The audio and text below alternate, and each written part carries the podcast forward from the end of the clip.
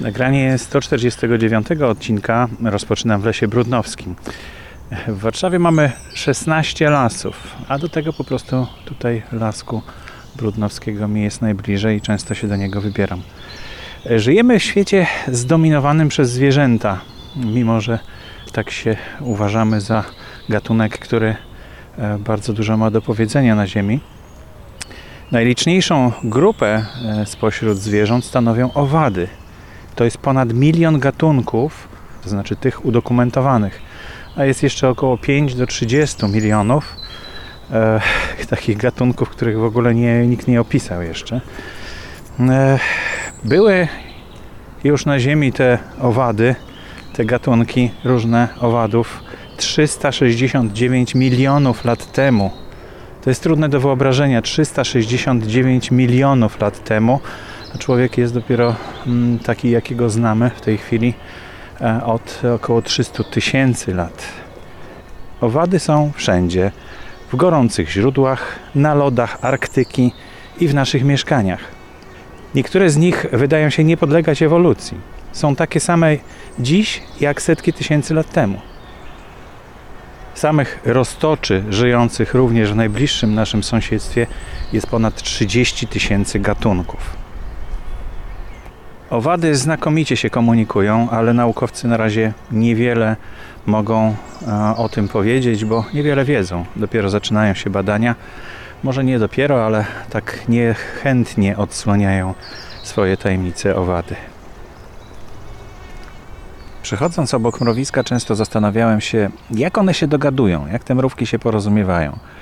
Posłuchajmy przez chwilę, jakie dźwięki można usłyszeć, przykładając mikrofon kontaktowy do powierzchni kopca mrówek.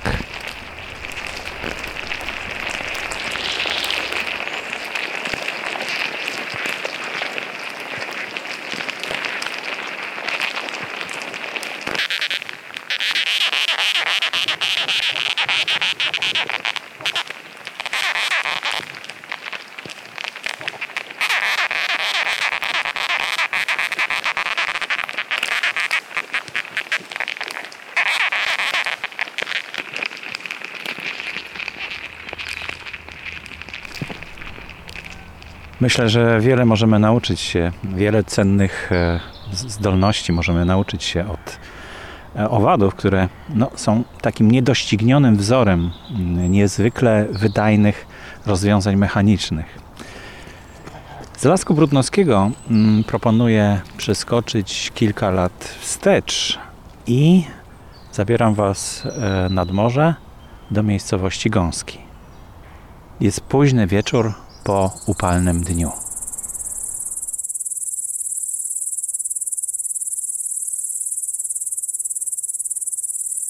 Wydaje nam się, że wszystkie świerszcze śpiewają jednocześnie, ale po dokładniejszym przyjrzeniu się okazuje się, że wydają dźwięki po kolei.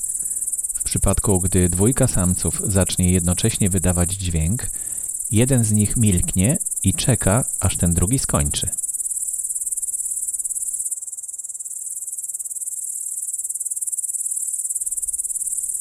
Sygnały, jakie wydają, są dwojakiego rodzaju.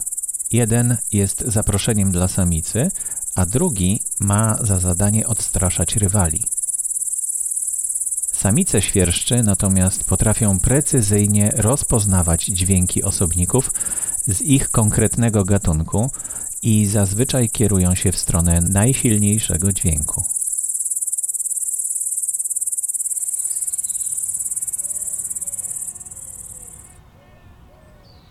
Dźwięki to jednak nie jest główny sposób porozumiewania się owadów. Charakterystyczne czułki są przystosowane do odbierania zapachów. To dzięki zapachom, czyli substancjom chemicznym, możemy wpływać na populację owadów. Nauczyliśmy się na błędach, że takie pochopne działania masowe, broń chemiczna używana w stosunku do owadów, przynoszą te działania niewyobrażalne straty.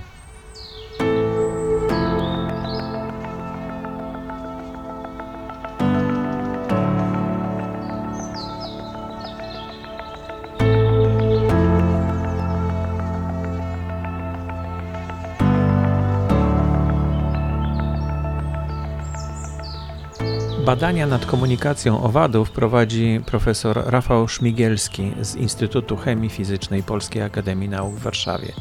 Udało mi się go zaprosić ponownie do mikrofonu. Zapraszam do wysłuchania tej rozmowy.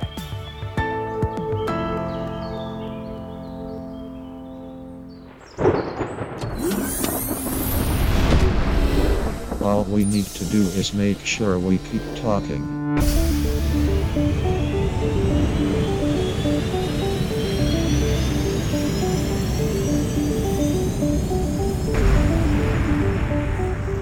Przy mikrofonie Borys Kozielski, witam serdecznie w kolejnym odcinku podcastu z serii Nauka XXI wieku. Do mikrofonu zaprosiłem dzisiaj pana profesora Rafała Szmigielskiego. Dzień dobry. Serdecznie witam państwa. E, poprzednio rozmawialiśmy o chemii atmosfery w 125 odcinku. Zgadza się. I to jest jeden obszar e, Pana zainteresowań. Natomiast e, na stronie Instytutu Chemii Fizycznej Polskiej Akademii Nauk, e, we współpracy z którym właśnie tą serię podcastów e, tutaj przygotowujemy, zauważyłem, że pan interesuje się również lingwistyką owadów, że tak powiem, jeśli tak w skrócie można powiedzieć, ale chodzi o porozumiewanie się owadów, rozmnażanie, tak, i jakoś, e, no, po prostu jak, jak one funkcjonują i, i jak, jak, to, jak to działa w przyrodzie, tak? Jak... Zgadza się. Oba obszary badawcze, zarówno chemii atmosfery, jak i E, chemii owadów, e, czy chemii porozumiewania się e, stworzeń jest bardzo bliski.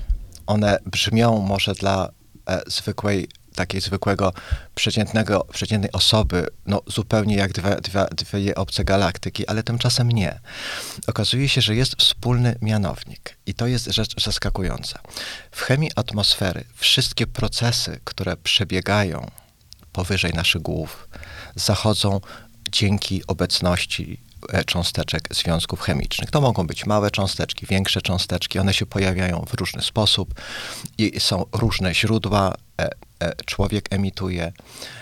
Są również procesy naturalne, wulkany, ale również cała skomplikowana chemia roślin, która dostarcza potężne ilości związków organicznych. I te związki organiczne dalej sobie e, wędrują, raz one są już w atmosferze i zachodzą skomplikowane procesy chemiczne, które e, ja śledzę, obserwuję.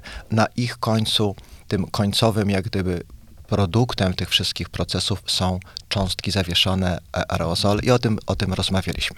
No właśnie, bo ja ostatnio mhm. byłem w Lesie Brudnowskim i tam akurat y, trwa mm, jakieś y, no, porządki leśne i, i stoją takie sterty drewna i tutaj sosna, dalej bóg i różne, różne inne gatunki drzew. I jak się wokół, jak, jak się przez tą drogę przechodzi, to nagle trafia taki właśnie mocny aromat y, sosnowy, i, i czuje się go bardzo mocno, a potem bukowy i nagle się odróżnia, nagle się odróżnia te zapachy tych drzew, prawda? No bo tak jak one sobie stoją i nie są ścięte, no to nie wydają tak mocno tych zapachów. Dopiero jak jak, e, jak są no, te soki, jak gdyby wychodzą na wierzch, no to wtedy, wtedy jest bardzo silny. Czyli mówi pan, że to jest właśnie ten, e, ten początek. aerozol, tak? Nie, nie, to jest początek drogi, to jest początek szlaku. E, coś, żeby coś zaszło w chemii, to najpierw musimy do tej, e, do, do naczynia, do jakiegoś obiektu, do atmosfery wprowadzić. Chemia nie działa w próżni. I dopiero mając e, coś początkowego, jakiś związek, związki, czyli substrat, podlega, ten substrat podlega przemianom. I w punkt, z punktu widzenia atmosfery, olejki eteryczne, czyli te zapachy, które pan redaktor czuł w lesie, nie tylko e, bielańskim, to również w Campinosie, w różnych innych obiektach, rzeczywiście są początkiem. Ten tak, zapach... Szczególnie latem, jak jest e... e taka wysoka temperatura, słońce mocno świeci, no to wtedy właśnie też te olejki mocniej... E, przyznam się, że e, jest pewna e, zasada, czy pewna zależność między intensywnością promieniowania słonecznego, tak zwanym usłonecznieniem, a E, szybkością emisji mhm. związków z roślin. E, generalnie jest tak, że e, to maksimum absorpcji, to maksimum, przepraszam, emisji zachodzi wtedy, kiedy ten słońce jest w tym najwyższym punkcie. Mhm. To jest zasada stała, aczkolwiek są też ciekawe wyjątki. Są takie związki chemiczne, które wolą być wydzielane w ciągu nocy. Ale to są wyjątki. Czyli jak chcemy doznać tych, tych wrażeń, to najlepiej w samo południe, tak? E, w się samo południe. To jest wtedy ten, na południe przypada maksimum emisji. Rzeczywiście. E, I ścięty, ścięte drzewo, które już no, nie odżyje, ono emituje bardzo intensywnie te olejki, e, e, te olejki żywiczne, dlatego że ono już jest ścięte. Ono jakby w ten sposób, no to jest ostatnie tchnienie, od, ostatnie tchnienie organizmu żywego. Ale proszę pamiętać, że ta, ten proces emisji nie zachodzi tylko ze ściętego drewna, kory, no nie wiem, z ziemi. No tak, bardziej intensywny jest po prostu. E, ale, ale, zachodzi, ale zachodzi równie intensywnie z przestrzeni liścia, nadliścia, z liścia albo z, e, z igły. E, I to jest rzecz zdumiewająca, bo rzeczywiście e, pomiary, które, które robimy, czy robią biolodzy w różnych laboratoriach, wyraźnie pokazuje emisję. Jest z powierzchni liścia, na powierzchni liścia e, wprowadzony taki mikroczujnik, pokazuje, że coś z tego liścia się wydziela. I oczywiście to, są, to nie jest tak, że to są od razu kilogramy. Nie, to są cząsteczki, których no, ilość na przykład na centymetr sześcienny, no to byłoby na przykład, nie wiem, e, 20 miliardów, 70 miliardów cząsteczek. To, to jest ta, taka skala. Brzmi mocno, ale to bardzo mało. E, e, to jest ma, mało, ale proszę pamiętać, że to się dzieje w sposób ciągły. Mhm. To nie są takie pulsy, tylko to dzieje się w sposób ciągły. Jeżeli byśmy teraz e, policzyli taki budżet, ile na przykład w ciągu dnia czy w ciągu roku się wydziela e, z jakiegoś obszaru lasu związków chemicznych, to wówczas ta wartość, te wartości wprowadzone do skomplikowanych modeli po, pozwalają oszacować, ile takiego związku chemicznego, konkretnego, czy, czy sumy związków wprowadzana jest do atmosfery. I tu od razu chciałbym powiedzieć rzecz może szokującą dla zwykłego zjadacza chleba. Emisja z tych modeli, z tego modelowania, e, płynie bardzo ważna konkluzja. Sumaryczna ilość związków chemicznych wprowadzana przez człowieka, dymiące samochody, dymiące kominy, e, cieknące e, e, e, rurociągi i podobne rzeczy, sumaryczna emisja związków chemicznych z tych obiektów jest o rząd wielkości mniejsza, o rząd wielkości niż sumaryczna emisja związków chemicznych z ekosystemów roślinnych. Rząd wielkości. Czyli na przykład e, weźmy taki no, najprostszy związek. Izopren. Pięciowęglowa cząsteczka. Izopren. Pewnie e, no, część z Państwa, którzy jeszcze coś pamiętają z chemii e, ze szkoły, to wiedzą, że izopren to jest ta najmniejsza cegiełka, która buduje no, polimery, w tym między innymi opony. Jak się pali oponę, to czuć taki no, smród, przepraszam, że Albo tak jak powiem. samochód jedzie po, po asfalcie, Właśnie. to też zdziera Właśnie. się, prawda? E, a okazuje się, że izopren, ten pięciowęglowy węglowodór, jest emitowany przez w zasadzie wszystkie rośliny liściaste. Wszystkie. Przy czym największa intensywność dotyczy dębów, dotyczy olsz, e, dotyczy mm, e, e, z takich no, niższych e, paproci. E, to są związki, które, to są rośliny, e, które emitują potężne ilości w skali rocznej. Mówimy o rocznie, nie, nie w, w przeciągu minuty czy dwóch, ale w skali rocznej. I teraz jest pewnie pytanie, ktoś może zadać pytanie, no i po co? Po co taka roślina się męczy, wydzielając, syntetyzując? Proszę pamiętać, że ten związek cały czas jest produkowany na szlakach, skomplikowanych szlakach e, metabolicznych, biologicznych, biochemicznych.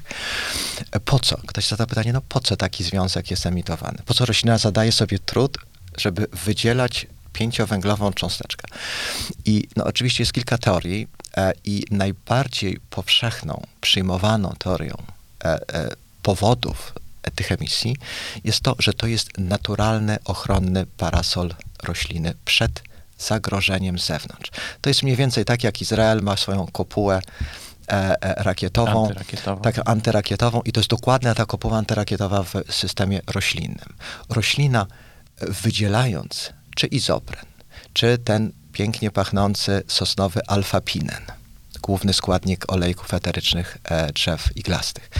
Te e, substancje e, tworzą taką, taki, taki ba, taką osłonkę wokół, wokół powierzchni liścia i w przypadku, kiedy w powietrzu znajduje się duże stężenie no, na jakichś agresywnych substancji, na przykład ozonu, czy tlenków azotu, czy jeżeli ta roślina na przykład jest atakowana przez jakiegoś roślinożercę, to rolą tych właśnie związków tej poduszki izoprenowej, poduszki alfapinenowej, poduszki e, innych związków jest to, żeby tą powierzchnię e, maksymalnie ochronić. Czyli ten węglowodór, jego rolą jest e, wejść w interakcję z agresorem i go zneutralizować. Oczywiście to nie będzie działało e, w sposób E, no jeżeli tam ta roślina będzie poddana jakiejś maksymalnej, ekstremalnej e, ekstremalnemu st poziomowi stężenia ozonu, no to ona przegra. Ale kiedy te wahania, wahania stężeń troszeczkę ta roślina czuje, to wówczas rolą tej poduszki, naturalnej poduszki e, chemicznej jest ochronić powierzchnię, czyli wyłapać ozon, zneutralizować rodnik, po to, żeby ta roślina mogła spokojnie dalej żyć. I proszę pamiętać, że każdy kij ma dwa końce. Z jednej strony jest to mechanizm tak zwanej self-defense, samoobrony rośliny przed zagrożeniem, na przykład stresem, generalnie stresem, czyli chemicznym stresem. Może być to również stres związany z podwyższoną temperaturą, może być to stres związany, no nie wiem, z e, działaniem czynników chemicznych, e, na przykład jakiegoś kwaśnego deszczu. Ale z drugiej strony ta poduszka nie jest wieczna. Ta poduszka nie przykleja się do powierzchni liścia. Ona jest, ale ponieważ te związki są lotne, to one dalej uchodzą, więc roślina musi produkować w sposób ciągły, żeby zapewnić sobie maksymalną ochronę. I te ta poduszka, te związki z poduszki powietrznej trafiają wyżej, trafiają ponad nasze głowy do tej, obsz tej obszaru atmosfery o nazwie troposfera, czyli do 15 kilometrów.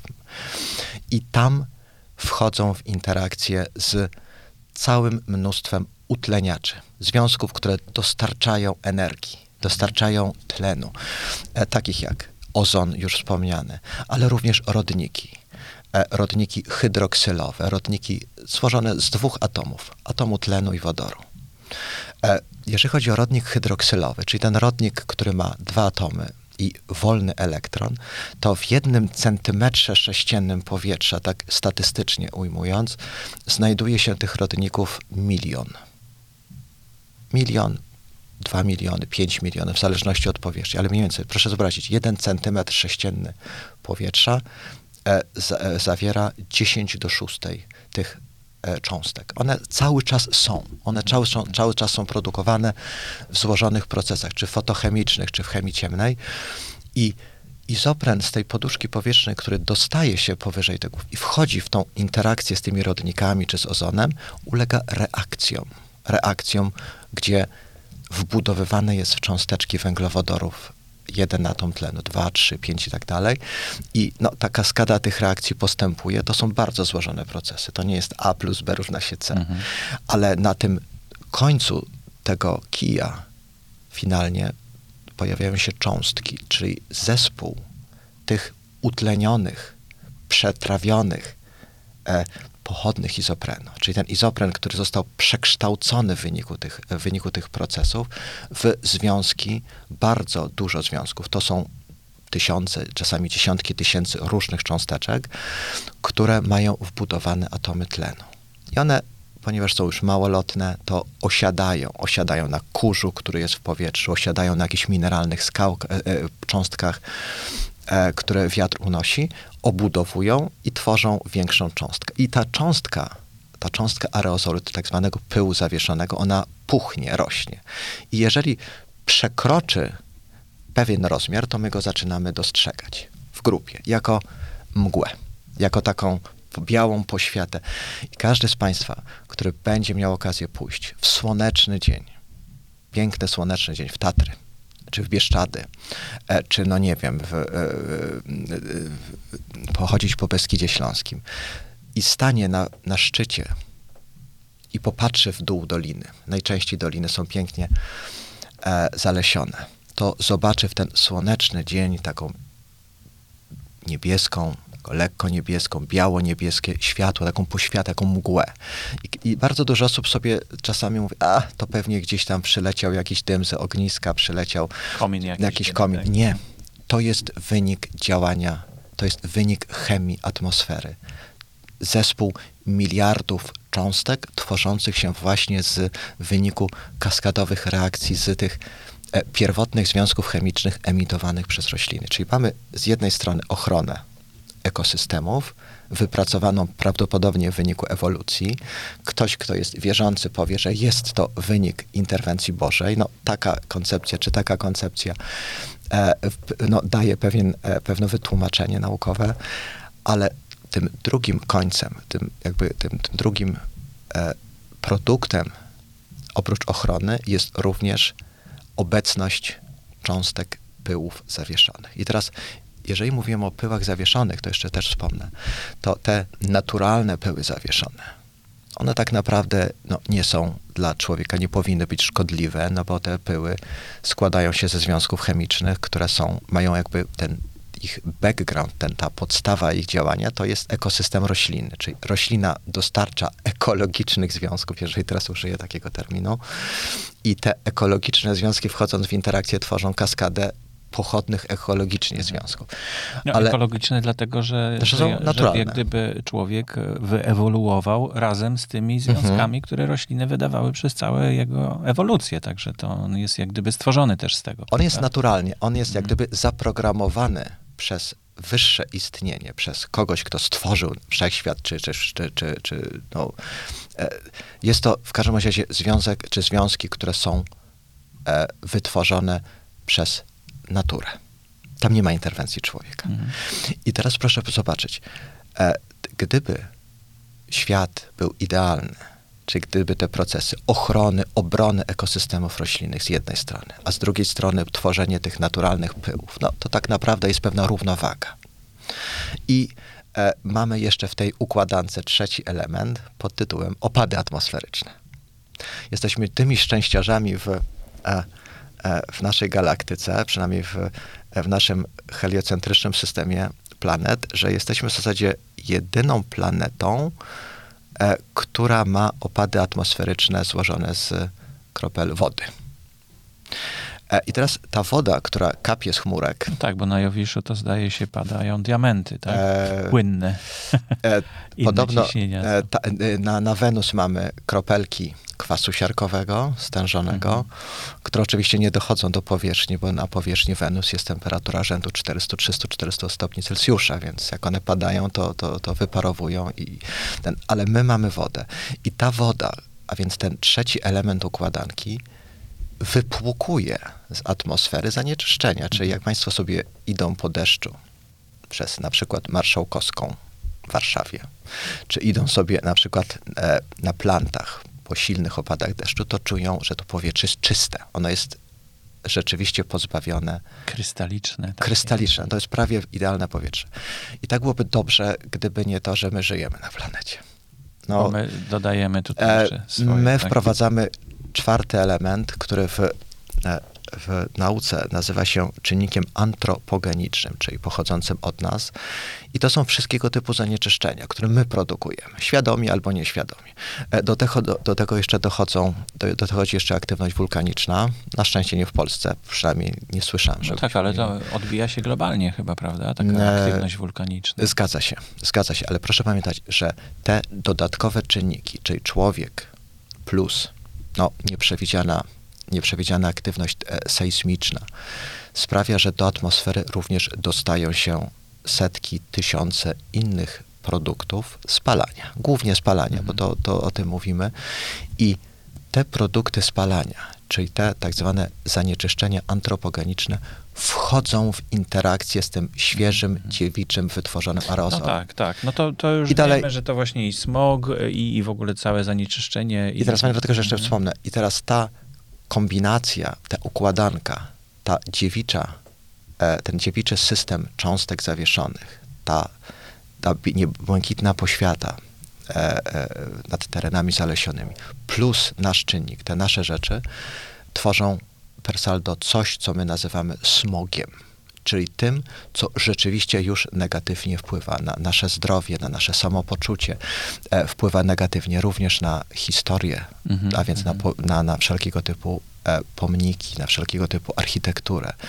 I to rzeczywiście o tym, o, o tym mówiliśmy wcześniej. No ja na przykład mhm. ostatnio było kilka takich dni właśnie, gdzie ten smog e, w moich okolicach, czyli na Zaciszu, wokół Warszawy właściwie, był bardzo silny to żeby pospacerować, musiałem jechać do centrum, bo tam było czyste powietrze, centrum Warszawy.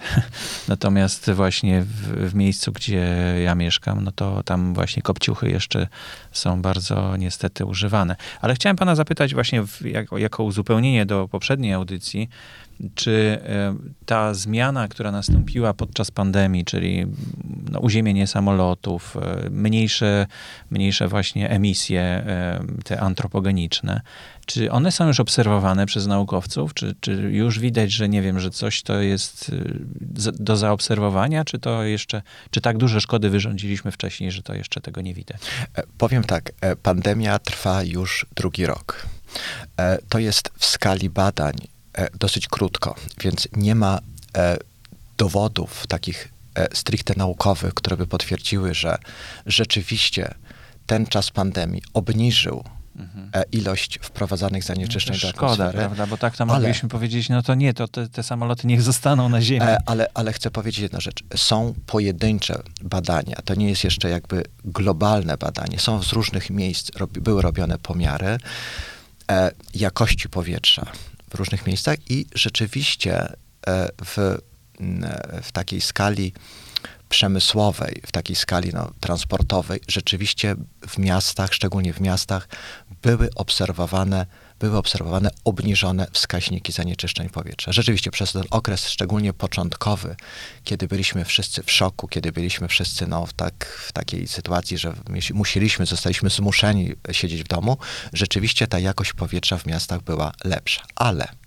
ale znowu kij ma dwa końce. Mhm, mhm. Siedząc w domu, na przykład na zaciszu, kusi nas, żeby rozpalić kominek. No właśnie. Mhm. I to, że zaoszczędziliśmy trochę cierpienia przyrodzie i nie emitowaliśmy z rur wydechowych, ale zaczęliśmy dosyć dużo emitować z kominów. No mhm. i, i, teraz jest pytanie, czy to się wyrównało? Czy, czy się wyrównało? Za wcześnie jest, żeby jeszcze to mówić, bo e, to modelowanie e, i próba oceny tych zjawisk jest na pewno jeszcze w fazie no, no, tworzenia. To nie jest takie proste. Bo najpierw musimy mieć pomiary, potem musimy opracować model i potem ten model musi jeszcze policzyć. Mhm. I to mhm. jeszcze globalnie. Ale na pewno na pewno jakbyśmy, tak ja bym przynajmniej z moich obserwacji tu na, e, e, warszawski, na, na, na, warszawskim Powiślu, e, obserwowałem, że przez ten okres zmniejszonego, zmniejszonego ruchu samochodowego rzeczywiście powietrze było lepsze. W, tutaj w centrum miasta, aczkolwiek jak wyjechałem E, na przykład w okolice Campinosu, do, tam przejeżdżałem przez e, e, najbliższe miejscowości, Brwinów. Na przykład Brwinów to rzeczywiście w okresach takich zimowo, późno zimowych to było czuć tak, tak. efekt. Tak. Także tam, tam się chyba nic nie zmieniło. Mhm, mhm. No dobrze, ale to, bo to, to jest jak gdyby nawiązka do poprzedniego mm, odcinka, a dzisiaj chciałbym, żebyśmy porozmawiali o drugim Pana zainteresowaniu, czyli interakcji owad-owad albo interakcji owad-roślina. Mówiliśmy, że roślina też coś mówi, prawda? To znaczy, to jest jakiś, jakiś język, tak? Rośliny, która wydaje te e, olejki eteryczne, ona coś mówi, ona się broni, ona no, też zachęca pewnie owady do tego, żeby żeby no, coś im tutaj, że tutaj coś jest do zjedzenia, tak? Jak, jak to wygląda właśnie? Jak, jak te owady e, potrafią odbierać te, te sygnały mm, e, roślin, roślin? E, tutaj jest bardzo, bardzo dobra analogia i tu pan redaktor bardzo to ładnie ujął między sposobem porozumiewania się naczelnych, czyli nas, a owadów, czy, czy w ogóle organizmów niższych w, w drabinie, w hierarchii. Bo my porozumiewamy się mówiąc, wypowiadając jakieś frazy, jakieś zdania. W języku polskim mamy 26 e, znaków, 26 liter, które tworzą różne wyrazy, kombinacja tych wyrazów no, coś niesie i teraz my tworząc, e, no, próbując do, e, dostarczyć, czy próbując wyrazić nasze emocje, e, jakiś przekaz, używamy kombinacji tych liter, tworząc słowa, tworząc zdania i te zdania wypowiadamy i przenosimy poprzez zaburzenie przestrzeni, czyli tak zwaną falę dźwiękową. Mhm. No ale to nie, to nie jest jedyna forma komunikacji. To jest główna. Bo te stare też mamy, prawda? To znaczy też czujemy zapachy swoje na przykład, też e, widzimy mm, postawę, to są niewerbalne jakieś też bodźce, od, odbieramy je. I ja myślę, że, że nawet te fermony, tak, feromony, tak, tak, tak samo oddziałują na ludzi i to jest jak gdyby pierwotna nasza forma komunikacji, a język, słowa to jest coś wykształconego E, gdzieś pod koniec ewolucji. Prawda? Ale proszę pamiętać, że język czy słowa to jest jeden z w zasadzie głównych sposobów komunikacji e, pomiędzy człowiekiem.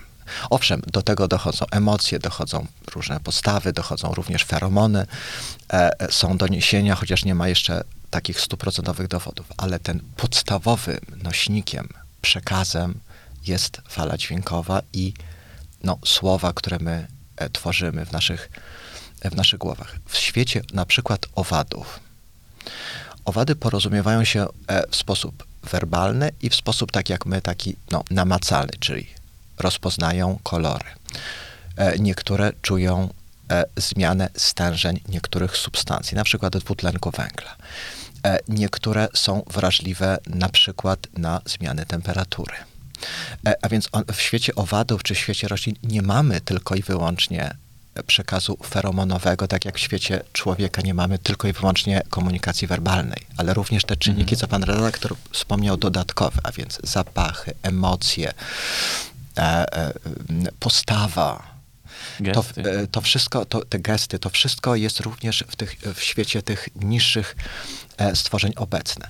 A ten... No tak, pszczoły przecież pokazują sobie kierunek, jak mhm. lecieć mhm. właśnie ruchami ciała, tak? To znaczy latają w odpowiedni sposób. Właśnie, właśnie. I, ale ten jakby trzon komunikacji w tym świecie zwierząt, świecie roślin, opartych jest przede wszystkim na komunikacji nazwijmy to werbalnej, tej lingwistyce. I teraz lingwistyka, ta, ta, czyli ten sposób porozumiewania się, różni się diametralnie od tego, co my stosujemy. My używamy fali dźwiękowej, czyli tworzymy sobie wyobraźni w wyniku, no nie wiem, ewolucji, tworzymy sobie słowa w każdym języku, polskim, ukraińskim, rosyjskim, angielskim i tak dalej, chińskim i wyrażamy, wytwarzamy je i przekazujemy e, interlokutorowi w sposób dźwiękowy.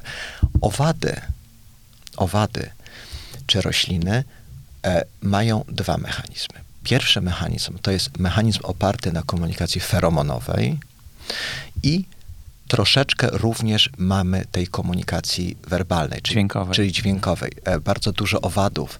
Ja nie jestem entomologiem, więc nie będę się tutaj, że tak powiem, wymądrzał, ale wiem, że wiele owadów, czy wiele płazów, czy, czy wiele, czy chociażby delfiny, one porozumiewają się również e, dźwiękowo.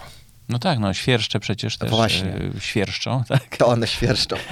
Ale, ale żeby, proszę... Żeby ale proszę, przywołać samicę, tak? E, ale proszę pamiętać, że ten dźwięk, ten dźwięk to jest, on niesie też jakiś przekaz, czyli mamy wielotorowy sposób porozumiewania się. I w świecie roślin czy owadów tym dominującym mechanizmem komunikacji jest mechanizm oparty na feromonach. Czyli na czym? Na e, mieszaninach związków chemicznych, które mhm. wytwarza e, jeden osobnik, Najczęściej jest to samiczka, chociaż nie zawsze, i dostarcza i ten sygnał poprzez wydzielanie do otoczenia e, dochodzi do odbiorcy, czyli tej anteny, czyli do mhm. najczęściej samca. E, Czy to można porównać tak do literek, tak? Bo mamy, my mamy litery, tak? I je składamy w zdania, wyrazy a e, owady mają te feromony i też składają tam związki chemiczne, tak, i, i też jakiś taki przekaz. Ja bym, ja bym powiedział, że tam jest trochę e, bardziej złożona ewolucja, bo my e, wytwarzamy, my mamy system na przykład 26 liter w języku polskim, z których no, kom, ma, przez metodą kombinacji tworzymy ileś tam setek czy tysięcy wyrazów i te, te wyrazy rozumiemy i przekazujemy je na różny sposób. Owady komunikują się poprzez system cząsteczek chemicznych, Ale ta komunikacja jest jak gdyby dwuetapowa, jakby no, wielo, wielowarstwowa, bo tak, możemy, my korzystamy z tych samych cząsteczek chemicznych, z tych, z tych samych e, słów, przepraszam, z tych samych słów.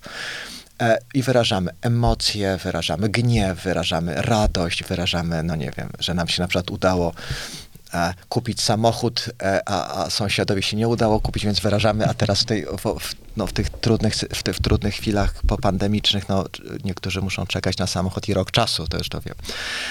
E, W świecie owadów jest to złożone, bardziej złożone, bo z jednej strony mamy rzeczywiście przekaz, ok, ja chcę na przykład, e, mam ochotę na e, spółkowanie.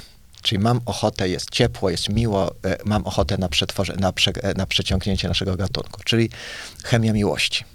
Ale to nie jest jedyny sposób, bo żeby przekazać ten sygnał, że ja chcę, pożądam ciebie w świecie owadów, no to to my określamy jako feromon seksualny, czyli samiczka, która jest już, która czuje tą potrzebę, wytwarza specyficzny bukiet. Mówiąc specyficzny, mam na myśli e, bukiet o ściśle zdefiniowanym składzie cząsteczek. Czyli musi być pewien zespół, tak jak my, pewien zespół liter czy słów, e, ściśle zdefiniowany, który niesie przekaz do samca. Ja pożądam ciebie.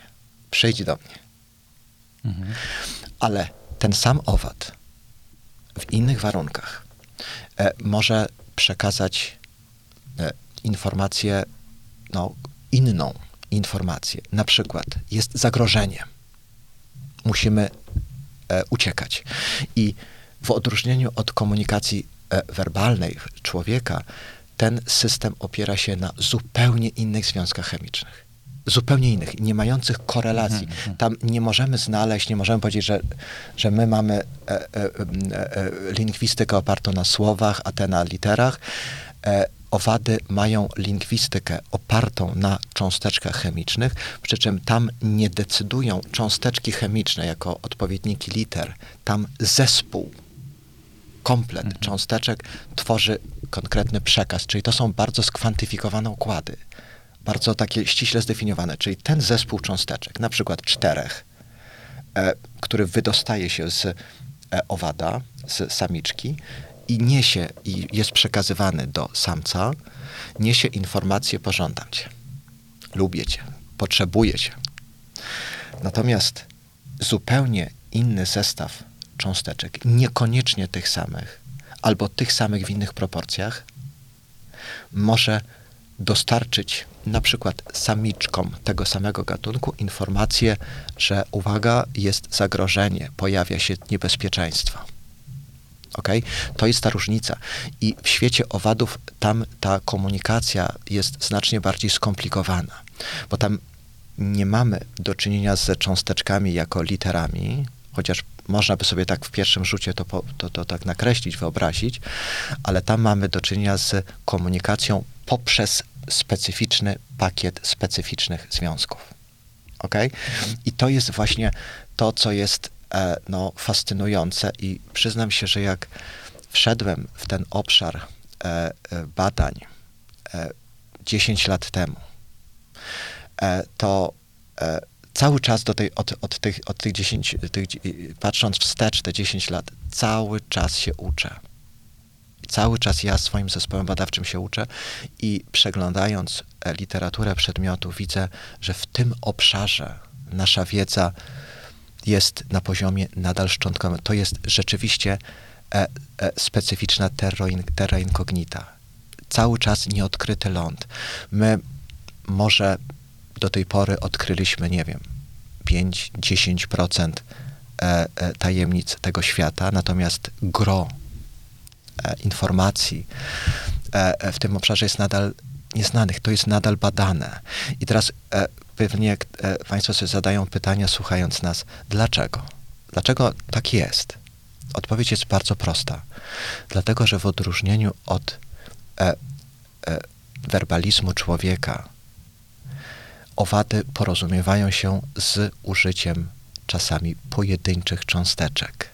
Czyli my wypowiadając coś, tak jak teraz rozmawiamy, i dzięki mikrofonom ten sygnał jest amplifikowany, wzmacniany, e, to w świecie owadów wystarczą czasami pojedyncze cząsteczki, czyli na przykład 10 cząsteczek takich, 12 cząsteczek takich, 100 cząsteczek takich, żeby e, przekazać informacje do, w obrębie swojego gatunku. Pożądam cię, jest zagrożenie, jest atak, musimy się przygotować. I ta mała ilość związków chemicznych, która stoi za komunikacją w świecie owadów czy w świecie roślin, sprawia, że my tutaj cały czas jesteśmy no, na takim etapie takiej początku ewolucji, dlatego że każdy przyrząd chemiczny, każdy instrumentarium, które my mamy w laboratorium, ma swoje granice tak zwanej detekcji. To znaczy my możemy analizować zanieczyszczenia powietrza, wody, no nie wiem, e, czegokolwiek, W gleby, makroświecie, tak. e, gleby, no, do jakiegoś poziomu stężeń. Jeżeli to, ten poziom stężeń, który jest definiowany, ten, ten, to, to, ta, ta bariera, ta granica wykrywalności jest e, jakby obwarowana e, e, no, dla każdego przyrządu. Każdy przyrząd ma określoną tą granicę. Nie możemy na przykład jakimś, nie wiem, spektrofotometrem czy spektrometrem mas analizować kubka wody, w którym jest jedna cząsteczka zanieczyszczenia. No jest to niemożliwe. Niemożliwe, bo wszystko ma swoje granice. A poza tym to jest układ dynamiczny, prawda? E, poza tym jest to układ dynamiczny. To proszę pamiętać, że w świecie owadów problemem jest wyłapanie tego sygnału. To jest jeden z pierwszych problemów, którym, który, e, który stoi przed Mhm. chemikami czy przed ludźmi, którzy się zajmują, badaczami, naukowcami. Jak złapać ten sygnał? No bo tak, dźwięk możemy złapać e, przesyłając go e, e, gdzieś, e, możemy go złapać anteną, wzmocnić i dalej rozesłać. No to jest proste. E, w świecie nauki musimy mniej więcej podobnie zadziałać, ale trudno sobie wyobrazić, żebyśmy analizowali sygnał tak, e, no, kiedy ta, ten owad emituje. To znaczy, idealnie byłoby w sytuacji, kiedy mamy obiekt badawczy, owad, roślinę i w sposób e, rzeczywisty e, analizowali, wprowadzali do systemu i na komputerze mieli od razu wynik. To byłby idealny, ideał. Czyli tak po prostu e, przyłożyć mikrofon, tak? E, Przełożyć mikrofon i od razu, nie tylko przełożyć, mi- przełożyć mikrofon i dostać wynik. Mhm. Dostać wynik, rozwią, rozwiązanie e, łamigłówki. Tutaj musimy się posiłkować, niestety musimy brać e, poprawkę, że wszystkie, całe instrumentarium, które do tej pory człowiek wytworzył, e, które pozwala badać różne rzeczy, niestety ma ograniczenia. Ograniczenia, jeżeli chodzi o tak zwany limit detekcji, Mhm. czyli e, poziom stężeń, poniżej którego ten przyrząd jest już e, do wyrzucenia. Czyli można powiedzieć, że owady są dużo bardziej czułe niż nasze przyrządy. Jak najbardziej. Mhm. Jak najbardziej. One w odróżnieniu od nas mają daleko rozwinięte receptory. Proszę pamiętać, że system feromonów e, to jest system oddziaływania jednego, na, jednego elementu gatunku na drugi element, czyli na przykład samiczki na samca, czy samca na samiczkę, poprzez pakiet związków chemicznych. Ale ten pakiet związków chemicznych ma ograniczony poziom stężeń. Mhm. Po prostu tam tych cząsteczek jest określona No, ilość. ma, mały owad dużo nie wytworzy poza tym tego, prawda? To też wy, wymaga wysiłku. E, tu, tu okazuje się, że nie do koniecznie. E, tu na przykład, tu, tutaj też e, zaskoczenie, bo na przykład te popularne szerszenie, których no, powinniśmy się wystrzegać, ale jeżeli Państwo kiedykolwiek będą mieli okazję zobaczyć w swojej komórce, że gdzieś tam na, na dachu, czy gdzieś pod sklepieniem, czy gdzieś przy progu widzicie gniazdo szerszeni, to proszę pamiętać, że nie wolno ich prowokować. E, dlaczego? Dlatego, że szerszenie, polskie szerszenie, e, znacznie gorsza sytuacja jest z szerszeniami japońskimi. Ja miałem okazję być w Japonii na konferencji naukowej i kiedyś e, między sesjami wyszedłem sobie do parku w Kyoto i tam koło mnie przeleciał e, japoński szerszeń. Robił wrażenie. To jest autentyczny Messerschmitt, jeżeli chodzi o owady. E, ale proszę, wróćmy do tych naszych polskich szerszeni. Proszę Państwa, szerszenie, jak tylko czują zagrożenie, jeżeli one wyczują, że ktoś tam, nie wiem, manipuluje, chodzi, że no, one mają doskonale rozwiniętą percepcję. Nie tylko werbalną, czuciową, ale również wzrokową. One zaczynają działać no, trochę inaczej niż, niż większość owadów, mianowicie one zaczynają wytwarzać mikrospray złożony z cząsteczek chemicznych, które niosą innym reprezentantom tego samego gatunku informacje do ataku. Mhm. I proszę pamiętać, Mobilizacja. Jeżeli, mobilizację, nie tylko mobilizacja, ale atak. One mają e, jakby przekroczyć, one mają wkroczyć na ścieżkę, przepraszam, że teraz tak użyję słowa, wojenną. I co one robią? Szerszeń, który jest sprowokowany, sam widziałem to na żywo, e, lata nad obiektem, który, którego wyczuwa, od którego wyczuwa zagrożenie, lata 1, 2, 5 i uwaga, spryskuje, Aha. spryskuje osobnika tą osobliwą cieczą, tą tak zwanym feromonem. Feromonem, który ma za zadanie dać sygnał cała naprzód. I proszę I tu, zobaczyć, tu jest zagrożenie. i tak? to jest zagrożenie, bo taki, taki obiekt, czy to może być zwierz, ale to również człowiek, on może nawet nie być, nie być świadomy tego, że został spryskany cieczą. On na swoim ciele, na swoim ubraniu, e, na swojej sierści e, ma substancje, które zaczynają drażnić inne szerszenie. Szerszenie Mhm. wychodzą ze swojego gniazda i podążają w kierunku tego zapachu i atakują. I to jest niebezpieczne. To jest przykład, gdzie e, no, dosyć prosty owad, no bo to nie jest jakieś złożone ewolucyjnie, ale prosty owad stanowi potężne zagrożenie i niebezpieczeństwo. Proszę pamiętać, że ugryzienie szerszenia, szerszeń w odróżnieniu od pszczoły potrafi kąsać wielokrotnie. Pszczoła e, kąsa raz i ginie. Tak jest. I, I niestety ginie. Szerszeń potrafi e, kąsać wielokrotnie i dawka jadu jest znacznie bardziej dotkliwsza. Jeżeli są jeszcze, jeżeli na przykład ktoś, kto jest wrażliwy, którym jest, ma, ma, jest alergikiem, dostanie taką potężną dawkę jadu e, e, szerszeniowego, to może wystąpić tak zwany wstrząs anafilaktyczny. No, to są rzeczy bardzo niebezpieczne. E, To już i- tylko adrenalina wtedy. E, no to no, przede wszystkim musi być bardzo szybko udzielona pomoc medyczna i to już nie, nie, nie wystarczy to już nie wystarczy apteczka domowa. To już musi być, bo człowiek się dusi, człowiek się dusi, człowiek puchnie, traci oddech, więc to już, to już wkraczać, wkraczać muszą e, specjalistyczne służby.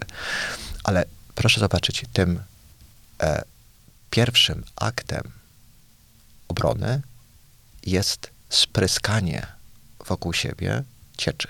Cieczy, która niesie, w której cząsteczki dostarczają do o, e, e, e, reprezentantów tego gatunku informacji, masz żądlić, masz, to jest nasze niebezpieczeństwo. Proszę zobaczyć, bukiet. E, teraz jeżeli parę słów na temat może feromonów jako samych siebie. Tu już Państwu mówię o feromonie, który, który, którego zadaniem jest podniesienie alarmu do ataku. Ale jakbyśmy na przykład pojechali do Puszczy Białowieskiej, e, tam, gdzie jest bardzo dużo, no, dominującym drzewostanem w Puszczy Białowieskiej są, jak Państwo pamiętają, e, jodły. E, jodły i proszę teraz sobie wyobrazić, że czy jodły, czy e, sosny e, mają swoje patogeny. Jednym z takich patogenów są korniki. To pewnie Państwo oczywiście słyszeli o, o tej akcji wycinania w Puszczy Białowieskiej setek tak, drzew. było. Mhm. Bardzo było głośno jeszcze przed pandemią. E, e, wszystko zwalano na korniki. E, rzeczywiście korników jest, gatunków korników jest troszkę. E, są korniki ostrozębne. Ja już nie będę się tutaj e, wymądrzał z nazwami, bo te nazwy owadów są czasami dla takiego zwykłego zjadacza chleba, a nawet dla mnie jako chemika są e, no, trochę śmieszne.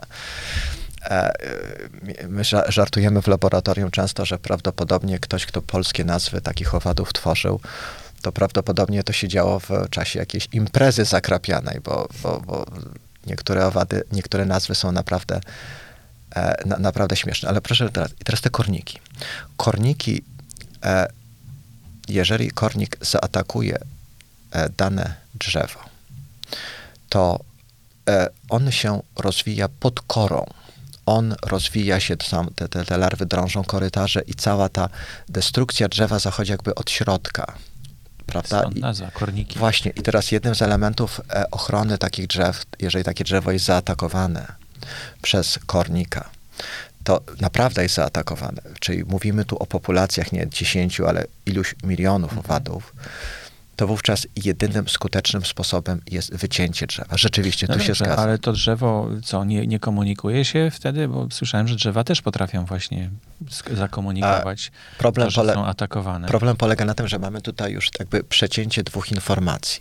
Mamy informację pomiędzy w systemie drzew, czyli drzewo versus drzewo, i drzewa rzeczywiście niosą informacje poprzez e, przekazywanie, e, poprzez emisję pewnych bukietów związków chemicznych z jednego obiektu Mhm. do drugiego, jest coś nie tak. To jest znane. I przez system korzeniowy. E, przez system korzeniowy niektóre inne gatunki potrafią się komunikować, ale z kornikami problem jest taki, że korniki lubią się grupować.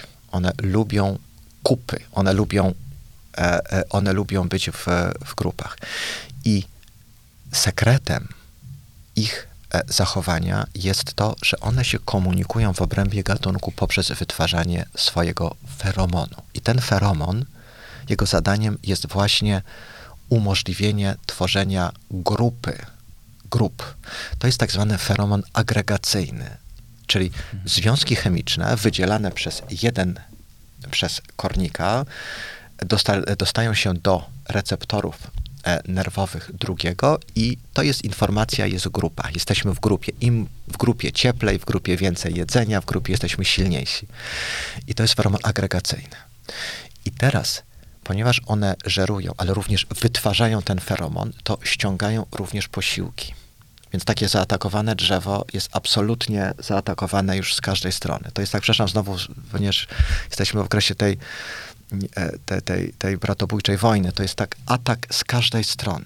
Z każdej strony. Z północy, z południa, z każdej strony. E, I teraz drzewo, które jest absolutnie zaatakowane, czyli mówimy tutaj o tej gradacji, e, o, o w tym momencie, kiedy, ten, kiedy mamy to maksimum, to, to maksimum ilości osobników, to jedynym rzeczywiście skutecznym sposobem jest pozbycia się, czyli wy, wy, wycięcia tego bardzo zaatakowanego drzewa jest, je, je, jest je sanitarne wycięcie. I to rzeczywiście leśnicy robią. E, natomiast... Bo drzewa nie potrafią No. wykształcić czegoś, co by jakoś zlikwidowało te Proszę, opady, pamiętać, tak? proszę pamiętać, że mówimy o walce Goliata z Dawidem.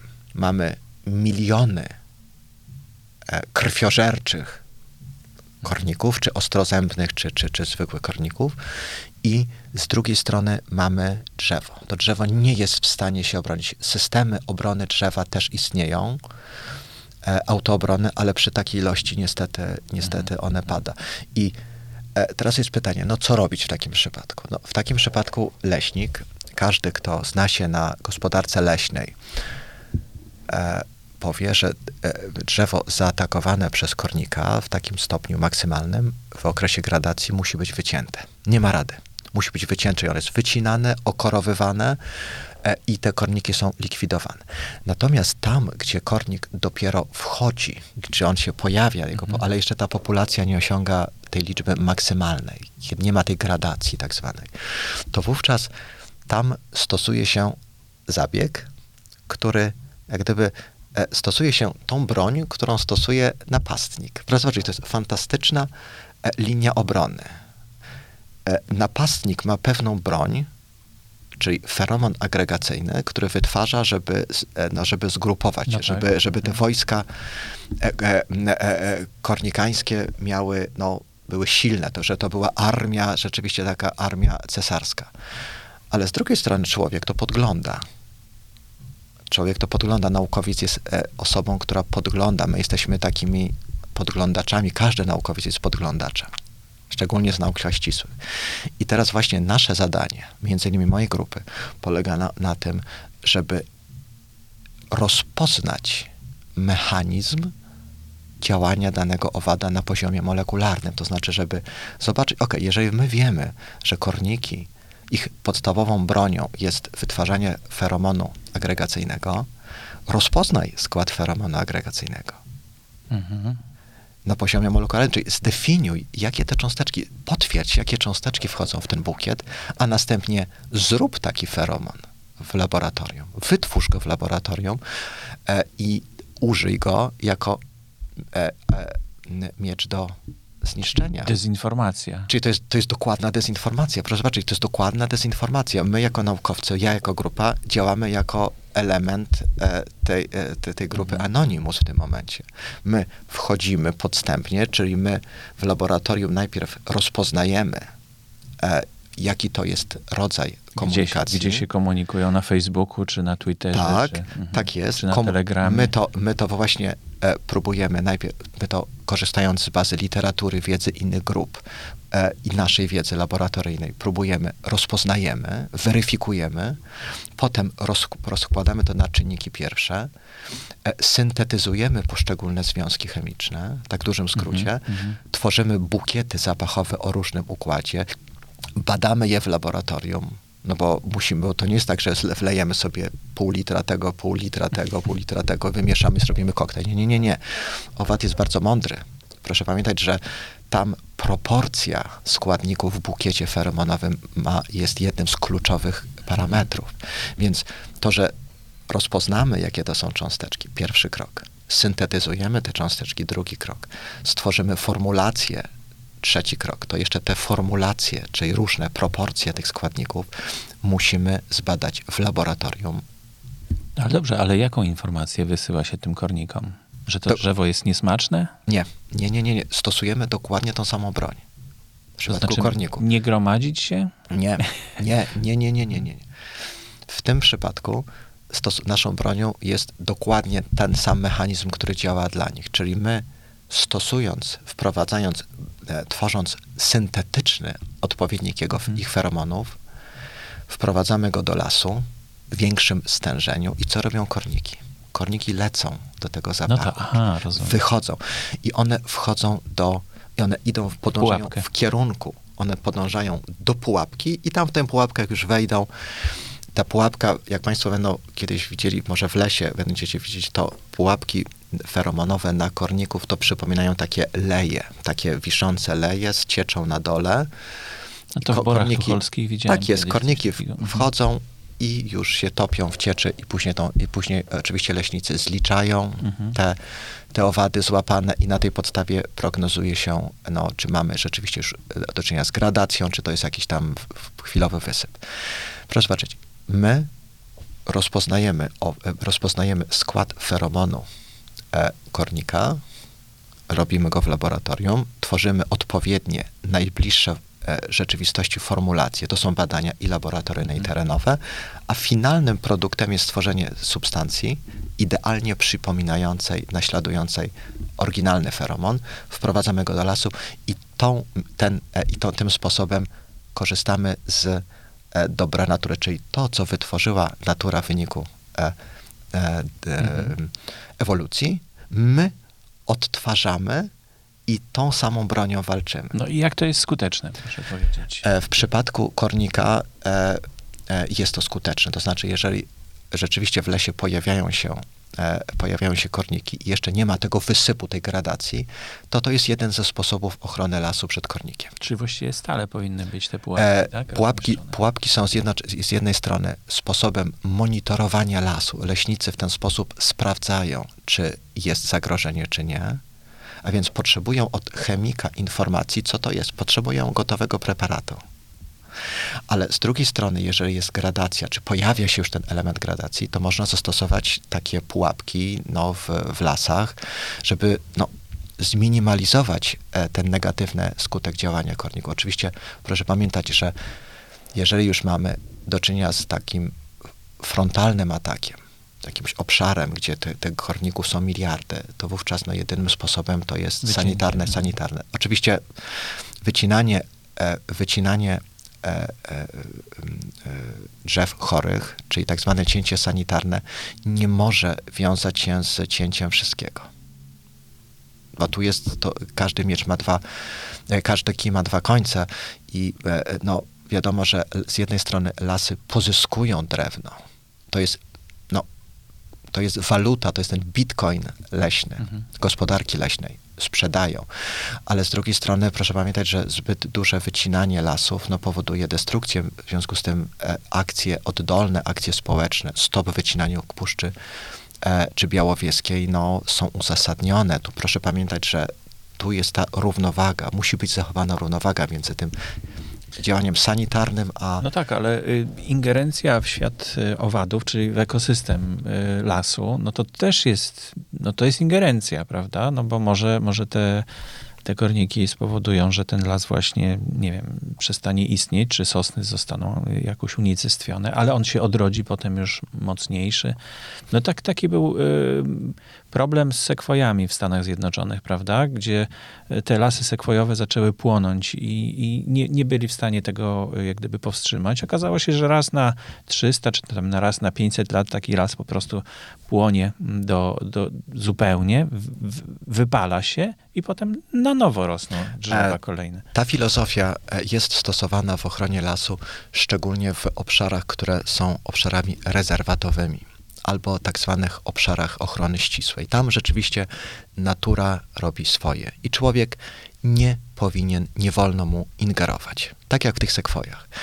Ale jeżeli mówimy o lasie, o lesie no, takim klasycznym, naturalnym lesie, gdzie nie mamy tych obszarów rezerwatowych, tych obszarów ochrony ścisłej, to jeżeli no, mamy na przykład e, jakiś obszar, który jest naprawdę skażony kornikami i, e, i skutek braku działania e, może spowodować, że na przykład setki hektarów tego lasu trzeba będzie wyciąć, one będą martwe, no to trzeba sobie zadać pytanie, co lepsze? Czy wyciąć mniejszy skrawek tego lasu i ochronić całość, żeby no, można było do tego lasu wejść, czy jednak e, pozwolić 100, czy 200, czy 500 hektarom lasu e, wyginąć. Jeszcze chciałem panu dyrektorowi powiedzieć o takiej naszej, naszej przygodzie z dwoma owadami, które mieliśmy na tapecie w, ostatnich, w ostatnim czasie.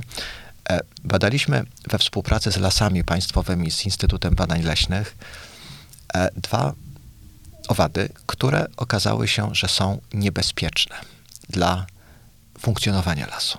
Zostaliśmy poproszeni jako chemicy, żeby pomóc właśnie stworzyć tą broń, czyli odczytać, odczytać, co ukryła natura, jakiego typu komunikacja werbalna jest między Mhm. tymi, w, e, w, między, w, e, w, e, między obiektami tego gatunku i spróbować znaleźć metodę ochrony. Pierwszy owad, który myśmy badali w laboratorium, e, ma bardzo wdzięczną nazwę, uwaga, barczatka sosnówka. To jest ćma. To jest największa ćma nocna e, w Polsce. Mhm. Barczatka sosnówka. E, po łacinie brzmi to znacznie bardziej poetycko. Dendrolimus pini. Dendrolimus pini.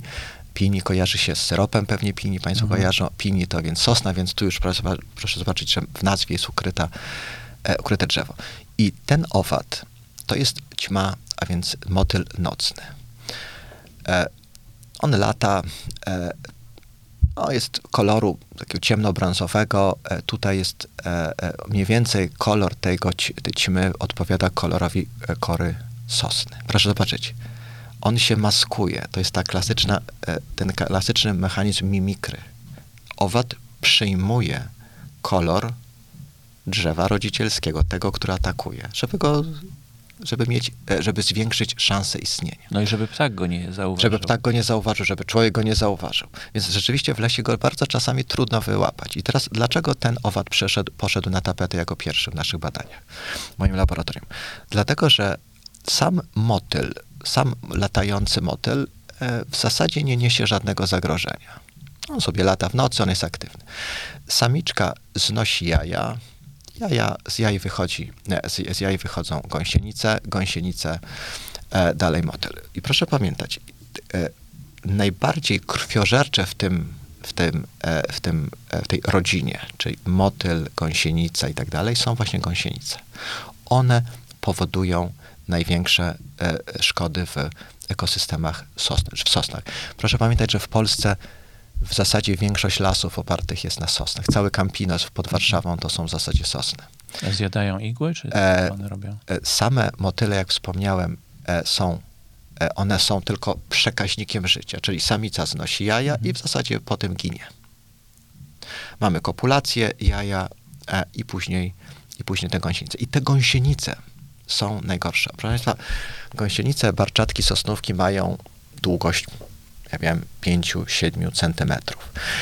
E, W laboratorium e, mieliśmy okazję wielokrotnie... Też się nimi- maskują? E, One, one są, tak, one zmieniają kolor włosia. To jest też ciekawa ewolucja, że one zmieniają w zależności od stadium rozwoju gąsienicy, one zmieniają swoje upierzenie, swoje futerko. I te gąsienice są naprawdę, naprawdę żarłoczne. Żeby tak Państwu powiedzieć, uzmysłowić, to proszę, chciałem powiedzieć taką rzecz. Jedna gąsienica, do, ba- do badania, obserwacja laboratorium, jedna gąsienica jest w stanie w ciągu jednej minuty, jednej minuty zjeść dojrzałą, dojrzałą e, e, igłę sosny, dojrzałą. Igła sosny Mhm. to są czasami 10-15 centymetrów. Ona w ciągu jednej minuty potrafi W ciągu jednej w minuty? ciągu jednej minuty robiliśmy pomiary, robiliśmy e, ze stoperem. Dąż, dojrzała gąsienica barczatki defoliuje, zjada 10-15 centymetrową igłę sosnową w przeciągu jednej minuty. Proszę wyobrazić, jeżeli teraz mamy do czynienia z lasem, gdzie tych barczatek jest wysyp, jest gradacja, jest na przykład paręnaście tysięcy, one głównie, e, e, one głównie zajmują korony drzew. Tam się, że tak powiem, gdzie cała rzecz dzieje, świeże igły, następuje defoliacja. E, rozrost, niekontrolowany rozrost barczatki sosnówki w lesie powoduje całkowitą defoliację sosen, czyli całkowite pozbawienie sosny e, najbardziej wrażliwych elementów, czyli ich, e, e, jej igieł. I taka sosna umiera. E, I tych gradacji w Polsce było już kilka.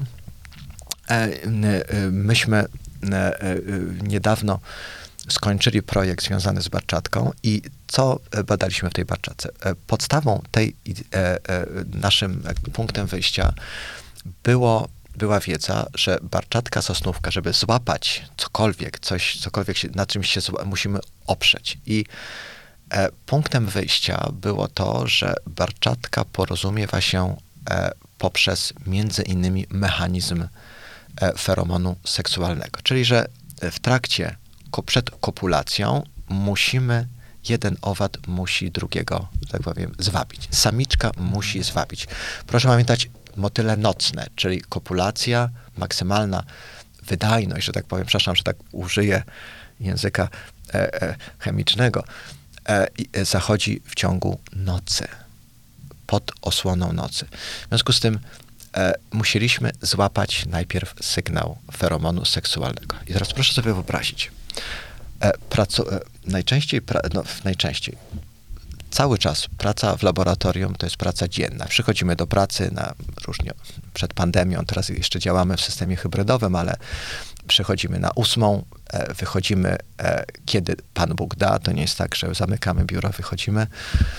I teraz stał, dostaliśmy zadanie, proszę złapać sygnał, żeby rozpoznać Aż sygnał w nocy. nocy.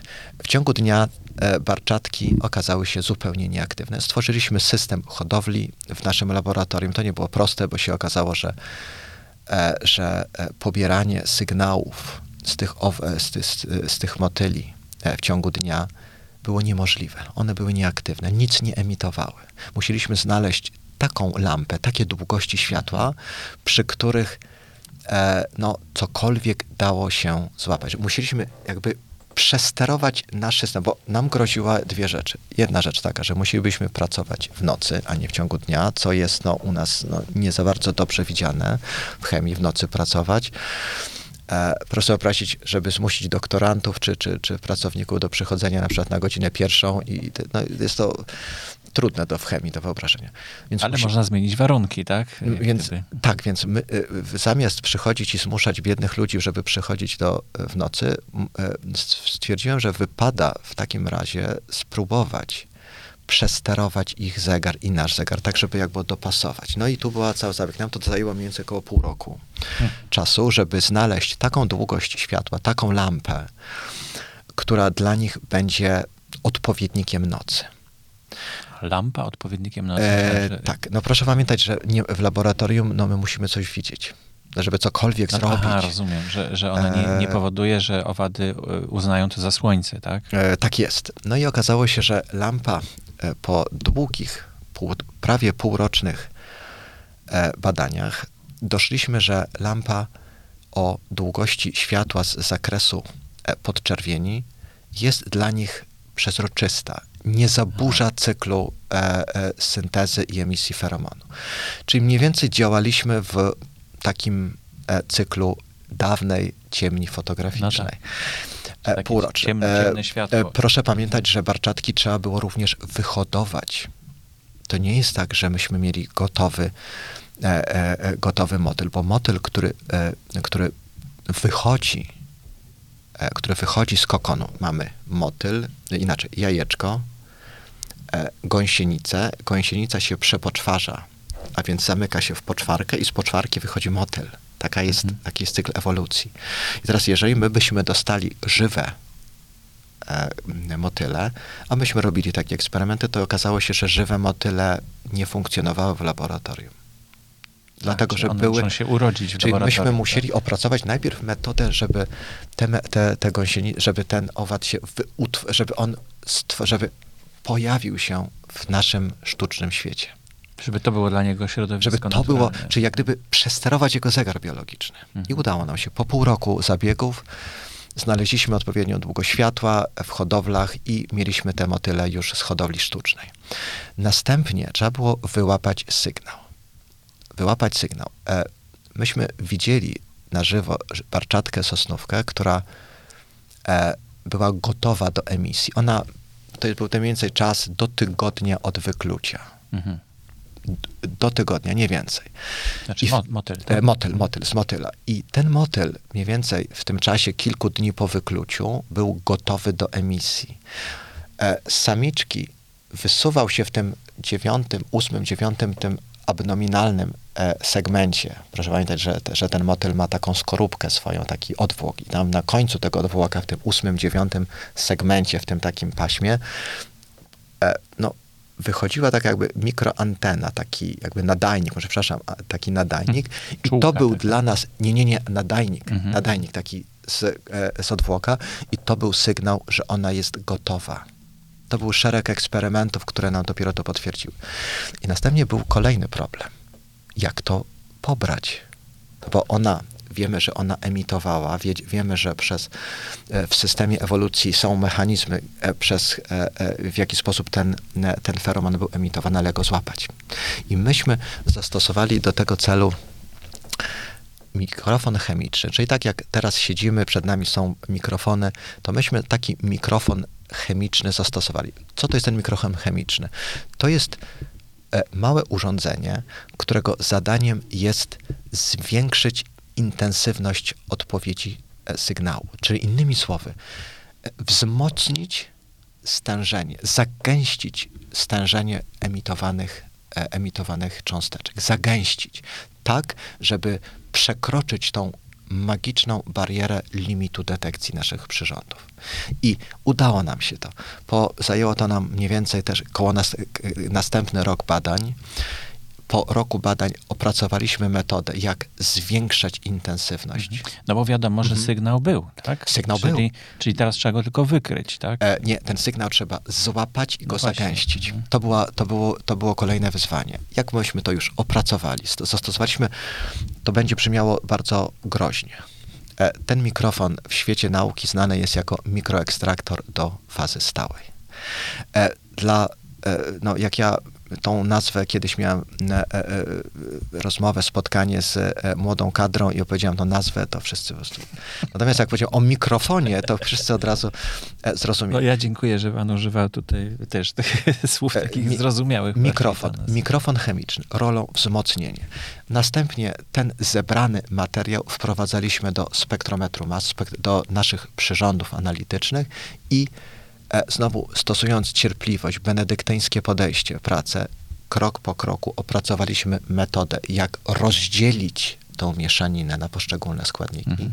Do tego służy analiza chromatograficzna, a następnie zidentyfikować każdy z tych sygnałów. To też nie było łatwe, bo proszę pamiętać, że te związki różnią się bardzo, bardzo niewiele. E, no, każdy z Państwa, kto zna Lego, to wie, że jak się kupi paczkę Lego, to Lego w odróżnieniu od innych klocków, z, z jednej paczki Lego można zrobić wiele obiektów. Czyli na przykład helikopter i samochód, albo łódź. Z jednej paczuszki. I tak samo jest w chemii związków e, feromonowych. One często składają się z tej samej ilości atomów. Ba, te atomy są często połączone ze sobą w ten sam sposób. A jedyna różnica pomiędzy nimi polega na tym, że one inaczej są zbudowane w przestrzeni. Czyli na przykład, jak, tak parafrazując te, te, te, te klocki, e, w jednym obiekcie na przykład mamy komin do góry, a w drugim na przykład obiekcie możemy sobie wyobrazić e, e, rurę jakąś wydechową zrobioną, czy, czy, czy komin, który e, e, sterczy, no nie wiem, pod spodem albo z boku. Klocki te same, ale w inną stronę. Klocki te samo, ale inna, inaczej położone pewne elementy w przestrzeni. Tu mówimy o izomerach, o izomerach, stereoizomerach. I w przypadku barczatki trudność identyfikacji polegała na tych subtelnych różnicach w położeniu pewnych atomów w przestrzeni, czyli rozpoznaniu e, izomerycznym tych wszystkich związków. Udało nam się, to zajęło znowu kolejne pół roku. To już proszę ma pamiętać, pół roku to, rok to, no to już mamy prawie dwa lata. I mniej więcej po dwóch latach, po dwóch latach udało nam się dopiero e, rozpracować broń, którą stosuje Barczatka w celu namnażania się w lesie. Mniej więcej dwa lata. Proszę zobaczyć, ja tak mówię obrazowo, czasowo, dwa lata. Dwa lata, żeby rozpoznać typ broni, którą stosuje, czyli skład feromonu seksualnego. Potem znowu e, przyszedł czas na stworzenie szeregu formulacji, czyli szeregu mieszanin o różnym stopniu skomplikowania i badaniu ich e, działaniu w laboratorium na te owady. Tak, czyli musieliśmy, e, e, stosowaliśmy konkretne, konkre, z, kon, z barczatki prepara, preparowaliśmy receptory, czyli musieliśmy, mówiąc językiem znowu prostym, wyciąć, przeprowadzić mikrochirurgię na żywym owadzie, wypreparować czułki, te mikroreceptory, w których wbudowuje się cząsteczki, czy te cząsteczki, e, które odpowiadają za, za, za konkretną, za konkretną e, interakcję, a następnie zbadać w laboratorium, która z tych mieszanin, która z tych cząsteczek jest rzeczywiście, daje jakąś odpowiedź pozytywną, a która nie. A następnie to samo już zawężonym ilości mieszanin robiliśmy w lesie. Badaliśmy, e, e, diagnozując, która z mieszanin daje najlepszy odłów. I dopiero na tym końcu byliśmy w stanie powiedzieć, ok, mamy autentyczny, syntetyczny skład feromonu barczatki i ten skład feromonu barczatki e, będziemy, e, proponujemy leśnikom. Teraz on to już jest w e, fazie wdrażania. Ten, ta broń będzie użyta przez leśników w celu albo monitoringu populacji owadów, jeżeli na przykład pojawi się zbyt ich dużo, albo jeżeli będzie już naprawdę dużo, mówimy o gradacji, sposób wyłapywania, żeby nie ciąć lasu. Czyli mówimy o tym e, naturalnym, ekologicznym podejściu do ochrony lasu. Nie sypiemy, bo możemy, oczywiście tak jak dawniej w PRL-u sypało się e, e, insektycyd, czyli pestycyd, którego zadaniem było zlikwidować patogen. Tylko działanie to polegało na tym, że oprócz e, patogenów, czyli na przykład, nie wiem, barczatki, kornika e, e, czy, czy innych rzeczy, ginęło bardzo dużo pozytywnych owadów. I dlatego Unia Europejska już od wielu lat naciska poszczególnych członków, szczególnie no, kraje, które jeszcze no, no nie mają tak wypracowanych mechanizmów wrażliwości na, na las, czy, czy w ogóle na ekosystemy, żeby jednak ograniczać ilość insektycydów wprowadzanych do lasu. Oczywiście nie da się ich w 100% wyeliminować, ale jeżeli można wyeliminować, to Unia nakazuje stworzyć e, alternatywny preparat, najczęściej oparty na feromonie, czy agregacyjnym, czy seksualnym, czy, czy, czy jakimkolwiek, po to, żeby danego dany szkodnik wyeliminować. I to jest ta historia z barczaczką. Ja Państwu tak nakreśliłem e, w skrócie, ale proszę zobaczyć już na poziomie badań czysto naukowych. Z jednej strony, jak chemik ma pracować z żywym organizmem. Na przykładzie barczatki trwało to pół roku, zanim doszliśmy w jaki sposób to, jak, w jaki sposób z nim się zaprzyjaźnić. Następnie rok trwały prace zmierzające do stworzenia mikrofonu chemicznego i sposobu wyłapania tego feromonu, który jest emitowany, a więc z powietrza, z okolicy e, tego owada, zagęszczenia i rozpoznania jego, jego składu i ilości poszczególnych składników, a później w trzecim kroku e, badania laboratoryjne, które potwierdzały, że ten związek, który myśmy zidentyfikowali, rzeczywiście jest. Jeszcze, przepraszam, zapomniałem o jednej bardzo ważnej rzeczy, tu chemicy, e, syntetycy z mojej grupy się obrażą. Przecież jeszcze te związki trzeba było otrzymać. To, nie no jest tak. tak. że my, to nie jest tak, że my zamawiamy na, na, tak. na mhm. eBayu czy gdzieś na Allegro. Nie, nie, nie. Te związki trzeba było syntetyzować i to też jest wyzwanie.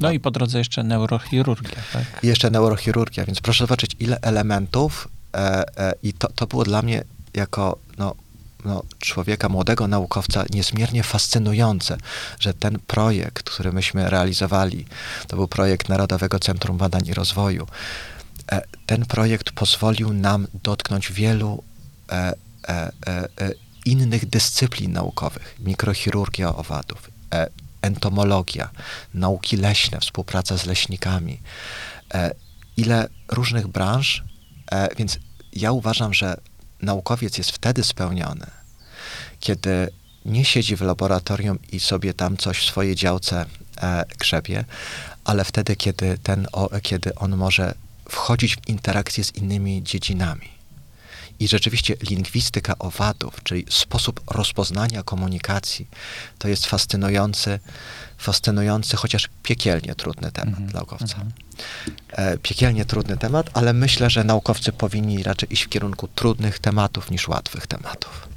No zdecydowanie, zwłaszcza, że to właśnie, tak jak pan mówi, działa bardzo szczegółowo, tak? To znaczy możemy tutaj dzięki temu nie, nie niszczyć całej tam ekosystemu, tylko, tylko po prostu bardzo jeszcze tak państwu, chirurgicznie zadziałać. Jeszcze Państwu chcę powiedzieć a propos tej chirurgicznej działania. E, w składzie feromonu seksualnego barczatki, to też dotyczy innych owadów, już nie, mamy ograniczony czas, ale chcę powiedzieć, że wystarczy, wystarczy, że jeżeli ja wiem, że na przykład w związku w tym bukiecie feromonowym znajduje się specyficzny izomer, czyli specyficzna budowla z klocków Lego, to jeżeli ja wystarczy, że zmienię troszeczkę proporcje, zmienię jakby mhm. sposób ułożenia tego obiektu w przestrzeni, czyli na przykład ten komin wyciągnę z dachu i go przyczepię do drzwi na przykład, to w badaniach wyraźnie nam, badania nam wyraźnie pokazały, taka mieszanina była nieaktywna. Czyli proszę zobaczyć, ten sam skład chemiczny jakiegoś konkretnego związku, ale tylko... Struktura inna, tak? E, nie, struktura ta sama. Tylko różnica polegała na tym, że ułożenie atomów w przestrzeni było inne i to już na poziomie molekularnym dla tego owada jemu dawało to sygnał, że to nie jest, to jest obcy. Mhm. On tego nie łapał. Receptory, jego receptory odbiorcze, jego układ nerwowy nie łapał tego sygnału. Proszę zobaczyć, jaki to jest piękny dowód stopnia złożoności e, e, e, mhm. makroświata. Proszę zobaczyć, wystarczy drobny, drobna różnica, drobna różnica w strukturze w ułożeniu atomów, nie w strukturze, w ułożeniu atomów w przestrzeni i okazuje się, że ten związek już jest nieaktywny. Preparat przestaje działać. Hmm. Czyli to jest coś nowego, tak? Coś, to, jest, to, jest, e, to jest rzeczywiście jeden z, z e, no, tajemnic, które myśmy po drodze odkryli. I e, śmiem e, e, no, wyprowadzić taką hipotezę, że podobne rzeczy zachodzą dla innych owadów, e, czy, czy w komunikacji roś e, pomiędzy roślinami a owadami. E, proszę pamiętać, że w systemie, jeżeli teraz byśmy przeszli z tej barczatki do roślin, to rośliny nie tylko komunikują się poprzez powietrze, czyli emitują, wydzielają i dostarczają jakichś związków do innej, ale również przez systemy korzenne. I na przykład to jest jedna z najmniej zbadanych e, zbadanych mechanizmów e, e, e, oddziaływania, rozmowy drzew. No bo jak sobie teraz pro- proszę wyobrazić, w jaki sposób ja mam wniknąć do korzenia i zmierzyć ten sygnał.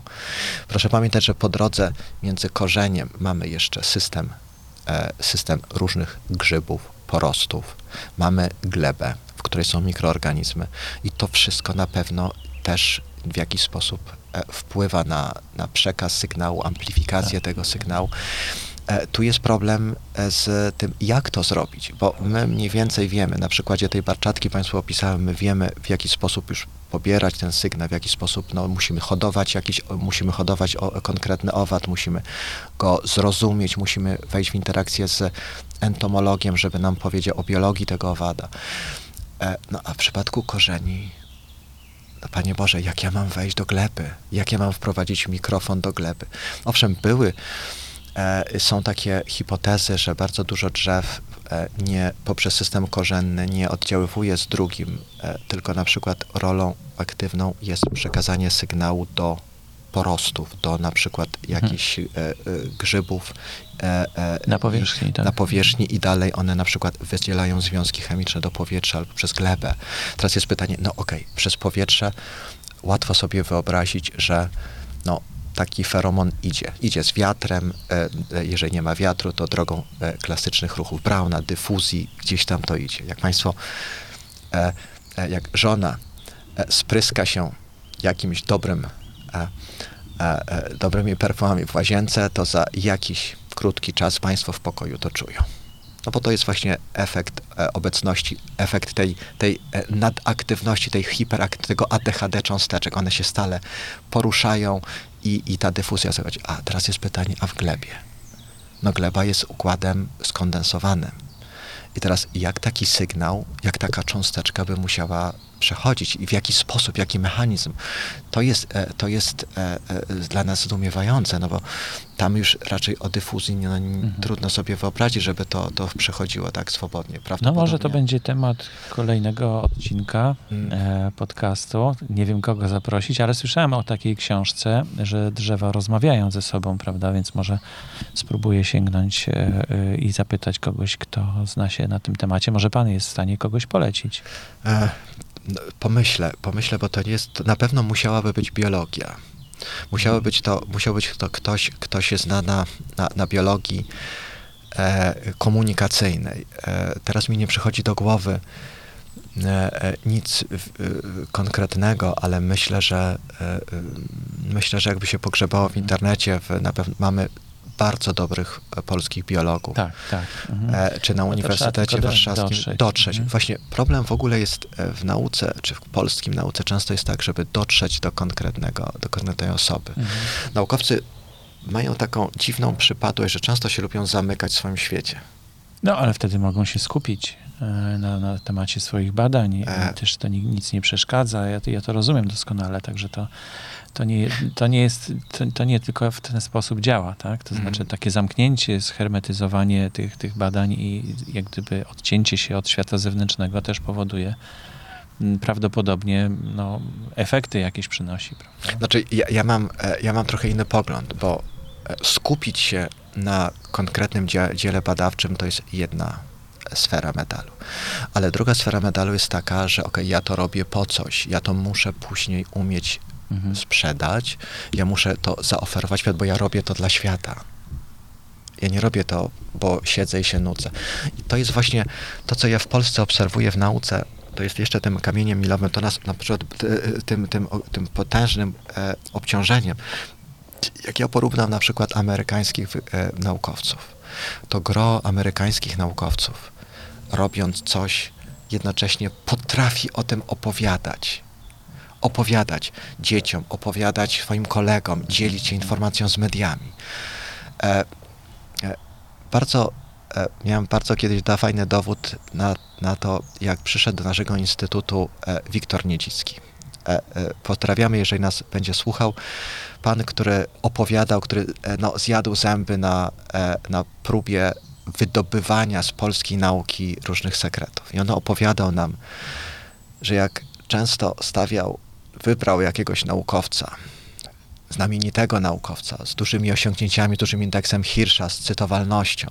Postawił go przed swoją kamerą i prosił go w przeciągu trzech minut, żeby opowiedział coś. No taki, no, proszę Państwa, okazało się, że to jest niemożliwe. Profesor, docent, doktor nie był w stanie wyrazić, opisać tego, co robi, bez używania skomplikowanych fraz, słów, terminów. To jest sztuka. To już też e, rozmawialiśmy o tym w poprzednim odcinku, że mm, e, ta multidyscyplinarność w tej chwili w nauce powoduje, że no, trzeba się porozumiewać z innymi naukowcami, którzy są w swoich bańkach, tak, hermetycznych i, i należy do nich mówić tak, żeby oni to zrozumieli. Oni z kolei też muszą mówić tak, żeby to zrozumieli ci inni naukowcy, humaniści, Mhm. e, fizycy, tak, muszą ze sobą rozmawiać i muszą się rozumieć. I przy okazji e, my, zwykli śmiertelnicy, też możemy coś zrozumieć z tego, bo oni wychodząc z tych, e, z tych właśnie swoich hermetycznych języków, z, z, z tej lingwistyki hermetycznej, tak, nagle zaczynają mówić tak, że, że można to zrozumieć. Więc może troszeczkę powinniśmy się opierać na tym świecie, o którym dzisiaj rozmawiamy, o świecie owadów, gdzie owady potrafią używać różnych systemów komunikacji. Ta lingwistyka jest znacznie bardziej skomplikowana niż w e, świecie, e, niż w świecie człowieka. Aczkolwiek feromony w świecie człowieka też e, pełnią swoją rolę. I w latach 90., 2000 e, pojawiło się wiele prac, w których wyprowadzono pewne hipotezy, że zachowanie ludzi opiera się również na feromonach. E, opiera się na feromonach, aczkolwiek nie zostało to nigdy e, potwierdzone eksperymentalnie. To cały czas jest bardziej mm, wynik obserwacji, czyli obserwujemy, jak człowiek oddziałuje na taki czy siaki związek chemiczny. E, pamiętam takie doświadczenie e, e, w latach chyba 90. prowadzone w Ameryce przez panią profesor e, e, e, McKenig. Ona, to nie był, ona nie była chemikiem, ona nie była fizykiem, nie była biologiem. E, ona była psychologiem. I ona badała zachowanie ludzi w populacji. I, i okazało się, że zrobiła taki eksperyment, może trochę taki no, dla nas dziwny, eksperyment, w którym badała grupę kobiet zamkniętych w więzieniu. No tak, w więzieniu. No akurat to było badanie więzienne, czyli one były odizolowane. Kobiety e, odizolowane od otoczenia. Badała ich zachowanie. I zauważyła, jej grupa zauważyła, że istnieje pewna synchronizacja w tym zamkniętym, adiabatycznym układzie kobiet w więzieniu, synchronizacja ich miesiączkowania. E, jak te kobiety później badała już po wyjściu, jak, już e, one wyszły z więzienia, to okazało się, że tego efektu nie było. Czyli ona wprowadziła taki wniosek, że e, te kobiety musiały komunikować się niewerbalnie, prawdopodobnie via feromony, czyli przez drogę feromonową, czyli poprzez system bukietów cząsteczek, dlatego że w inny sposób nie można było wytłumaczyć tej synchronizacji ich, e, ich, e, e, ich miesiączkowania. No nie dało się tego wytłumaczyć. One to, to było badane, potwierdzone, mało tego, opisane no, w prestiżowym czasopiśmie, w Nature. Nature nie publikuje e, banialuk naukowych. E, ale e, e, no, wiadomo, że w odróżnieniu od owadów, gdzie ja mogę taki, taki owad, czy, czy, jakiegoś, no, czy jakiś gad, jakiegoś gada, czy płaza mogę zamknąć w, w, w terrarium, mogę badać tymi moimi mikrofonami, mogę no, różne sygnały ściągać. Trudno mi sobie wyobrazić, żeby teraz mnie, Rafała Szymikielskiego, zamknąć w zlewce, wstawić tam mikrofony. No trudno sobie wyobrazić. I poza tym tu jeszcze wchodzą e, kwestie etyki. No jednak, e, jednak człowiek ma prawo do wolności, ma prawo do e, samostanowienia, decydowania, natomiast zamknięcie ich w takim big brotherowskim świecie, no myślę, że to jeszcze, no dlatego tu, tu jeśli chodzi o feromony człowieka, to jest podstawowa trudność, no bo jednak e, no, badanie, e, badanie chemiczne, można badać mózg, były badane na przykład e, systemami el- elektroantenograficznymi, mózgi ludzi zamkniętych w jakichś przestrzeniach, e, e, odciętych od świata. Obserwowane były zmiany na poziomie e, e, e, e, ne, e, neurotycznym, na poziomie e, funkcjonowania mózgu, te obrazy e, e, e, e, obrazy mózgu, obrazowanie mózgu, te, te, te widma mózgowe pokazywały zmiany, pokazywały zmiany i one rzeczywiście są widoczne, kiedy człowiek się boi, kiedy człowiek jest zadowolony, kiedy jest w grupie i tak dalej. Ale nigdy jeszcze nie było potwierdzonego eksperymentalnie dowodu, że ja porozumam, porozumiewam się na przykład z panem teraz nie tylko poprzez system e, fali dźwiękowej, która idzie z szybkością 340 km na godzinę, ale że my się jeszcze porozumiewamy e, feromonowo. No nie było to jeszcze zbadane, no i, i, i nie wiem, czy w ogóle kiedykolwiek będzie zbadane. To jest jeszcze terra incognita dla może przyszłych badaczy. No, Nie, nauka zaskakuje, wie pan, także możliwe, że coś niedługo Inaczej, się dowiemy. są poszlaki e, od strony badań psychologicznych, od strony badań takich e, zapachowych. E, istnieją nawet dowody, że jeżeli na przykład mężczyźni będą wdychali napary pewnego związku chemicznego o strukturze cholesterolowej wywodzącej się z cholesterolu, specjalnie nie używam nazwy związku, bo jest trudne, to wówczas obserwowano, że ta, takie osoby, mężczyźni, byli bardziej atrakcyjni w e, oczach kobiet. No takie były obserwacje, czyli znaczy coś jest, czyli są jakieś, e, jakieś przesłanki, jakieś lematy, e, że to działa, ale nie ma dowodów eksperymentalnych, więc póki co e, lingwistyka w zasadzie ogranicza się do badania interakcji w świecie owadów, w świecie owadów zwierzę, e, owadów drzew, czy drzew między drzewami. E, Natomiast te, te, te bardziej no, wyewoluowane organizmy już wymagają no, specyficznych e, tych e, narzędzi. No, na przykład proszę sobie wyobrazić badanie feromonów hipopotama. Hmm. Jak, No tak, prawdopodobnie też rozsiewa w wodzie. no na prawda? 100% musi, musi być, ale proszę sobie wyobrazić, jak to zbadać Tak. naukowo. Więc tu jeszcze jest nie tylko wyzwanie przed e, instrumentarium chemicznym, przed całym opracowaniem całej metodologii, jak pobierać te sygnały, jak je e, identyfikować, ale również no, w tych no, wyższych mm, organizmach, jak je hodować, jak je Mhm. badać od strony takiej czysto praktycznej w laboratorium. No. Hipopot albo słoń. Proszę zobaczyć na Kasprzaka w Instytucie Chemii Fizycznej badamy na przykład chemię feromonów słonia. No proszę zobaczyć, jakie to musiałoby No być. tak, ale można badać mniejsze organizmy, a potem odkryć jakąś ogólną zasadę, która będzie stosować się też do Mhm. dużych zwierząt. Tu niekoniecznie będzie to działać, bo mówimy o pewnej specyficzności, czyli w obrębie gatunku mamy specyficzny Mhm, mhm. feromon. I niekoniecznie ten sam feromon działa na inny gatunek. To jest właśnie fascynujące. Więc No tak, ale też trudno sobie wyobrazić sytuację, że chcemy, żeby, Mhm. żeby nie wiem, y, słonie nie zjadały nam drzewa jakiegoś w mieście, w Polsce. To jest wykluczone, prawda? One nie są Mhm. szkodnikami. Chyba tutaj nie będziemy potrzebować w broni. Warszawie Właśnie. Y, Profesor Rafał Szmigielski był moim gościem. Bardzo dziękuję za tą fantastyczną przygodę. dziękuję serdecznie. Pozdrawiam wszystkich. Dziękuję. Dziękujemy.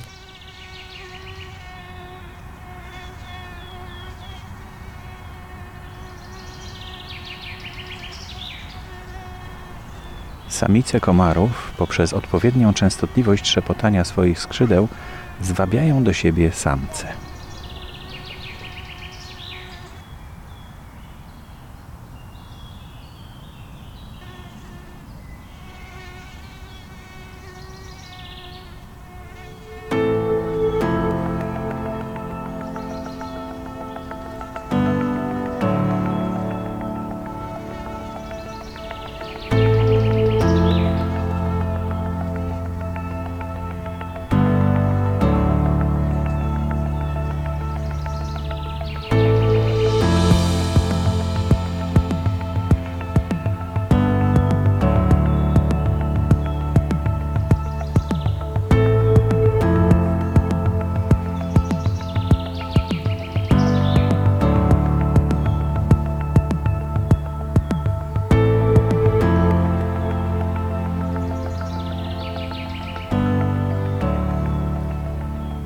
To był 149 odcinek podcastu z serii Nauka XXI wieku pod tytułem Lingwistyka owadów.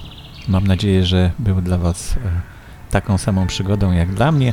Tym bardziej, że dla mnie to jest też dodatkowa przygoda, ponieważ postanowiłem wzbogacić albo już wzbogacać na stałe odcinki takimi wstępami, jak słyszeliście na początku. No i bardzo Was proszę o sygnał, czy to się Wam podoba, czy raczej z tego zrezygnować i pozostać przy zwykłych mm, rozmowach e, z e, ekspertami. E, podcast Nauka XXI wieku jest dostępny bezpłatnie dla każdego, bez reklam. Powstaje dla słuchaczy. Jedynym źródłem jego finansowania jest wsparcie słuchaczy poprzez patronite.pl ukośnik Borys Kozielski, za co bardzo, bardzo dziękuję. Najhojniejsi z patronów to Tomek Faber, Kamila Fornalik, Karolina Gorska, Dorota Kozielska, Rafał Kozikowski, Andrzej Lach, Aleksandra Lichaj, Izabela Matela, Piotr Prochenka, Tomasz Stasiak i kilku patronów, którzy chcą pozostać anonimowi. Moją misją jest przenieść słowa tych, którzy mają wiedzę i doświadczenie do tych, którzy chcą wiedzieć i uczyć się. To naprawdę bardzo mi się podoba ta misja i bardzo lubię ją wykonywać. Jest to takie powołanie chyba, które po prostu odkryłem. Wsparcie od słuchaczy, czyli od Was, drodzy słuchacze, dodaje mi skrzydeł i jest jednocześnie zobowiązaniem do lepszej pracy i przygotowywania się e, do audycji w coraz lepszy sposób. Bardzo wierzę, że najlepszym sposobem na finansowanie niezależnych treści, bo to jest niezależna treść, ten podcast, jest bezpośrednie wsparcie przez odbiorców tych właśnie treści. Możliwe to jest w modelu value for value, czyli wartość za wartość, który staje się coraz bardziej popularny nie tylko na świecie, ale i w Polsce. Namawiam Was gorąco do zapisania się na subskrypcję e-mailową. Okienko do wklejenia e-maila znajduje się na dole strony podcasty.info ukośnik nauka oraz do kontaktu poprzez stronę na Facebook oraz e-maila boryskozielski małpa gmail.com. Patronem możecie zostać od kwoty już 3 zł, także to naprawdę nie jest dużo. Wymaga trochę poświęcenia, trochę czasu, e, żeby zarejestrować się na portalu patronite.pl, wybrać formę płatności i wpłacić w ten sposób e, swoją darowiznę. No ale myślę, że to nie jest duży wysiłek i raz na kilka miesięcy można go wykonać. Bardzo o to proszę, bo to, tak jak mówiłem, dodaje mi skrzydeł.